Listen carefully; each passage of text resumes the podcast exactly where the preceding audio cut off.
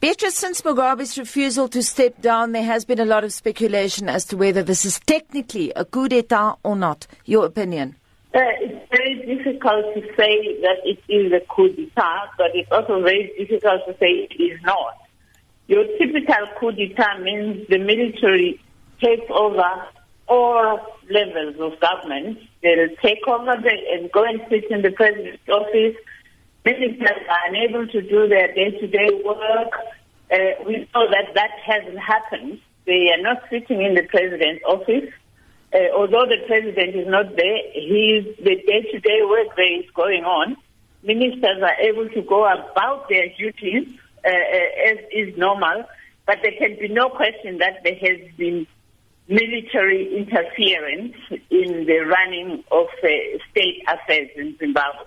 So it's it's, that fine walking uh, line where, you know, it's not a full-blown coup, but certainly there is interference with the running of, of the day-to-day government uh, uh, uh, issues. Yes, that should be so because the Speaker of the Zimbabwean Parliament, Lovemore Matuke, says no minister is allowed to have any contact with Robert Mugabe. Is this legal?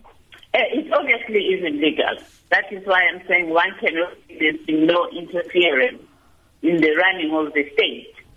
Uh, because, you know, if, if the leader of the government is not there and is just saying the ministers cannot have access to him, uh, it obviously means that there is something terribly wrong. So clearly there's been that interference.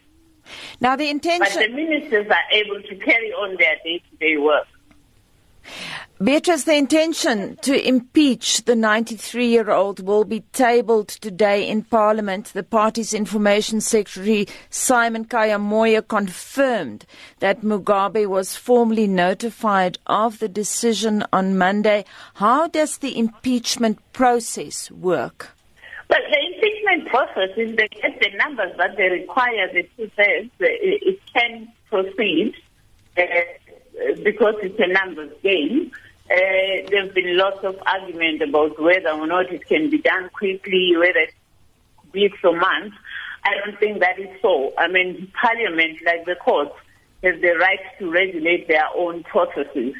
Uh, the Constitution does not set out time frames as to when things to, should be done, how, mu- how long it should take. So Parliament be to determine the period. If Parliament wants the process finished by Friday, process will be finished by Friday, and the court can't interfere in that process because there's a long-standing tradition of, you know, the three legislative, the three arms of government interfering. The court cannot tell Parliament what to do, uh, where Parliament is following procedures that are allowed by the Constitution and standing orders. So the impeachment process can be over and done with this week if the, if the numbers game. Now, some analysts believe it was very shrewd to let Mugabe make his own speech and his own demands while own sitting ne- next to the army chief so that he cannot later say that he'd been coerced to resign in any way. Do you agree with this, Beatrice? If we look at how they've done things, for instance, on Friday last week he was allowed to go and uh, uh, participate in a graduation ceremony at a university he is allowed to go to a press conference uh, as if uh, he, he is in control of it. There is a speech that, on the face of it, appears to be against what was expected of him by the military. So clearly, you know, it would be very difficult for him to say that I was coerced to read this speech. I was made to read this speech uh, uh, by the military when the speech does not, in fact, go with what the military wants. On the other hand, if he had read a resignation speech, it certainly would have been easy to say, I was there under duress, I was by the military, I had to read what they gave me. So clearly, that was the shrewd move by the military to make sure that he reads what he wants to read, uh, uh, which is against what wants Beatrice, the stakes are extremely high. We know that the army generals could face treason charges, which means that they could hang if they lose. Yes. The stakes are so high that they cannot afford to lose.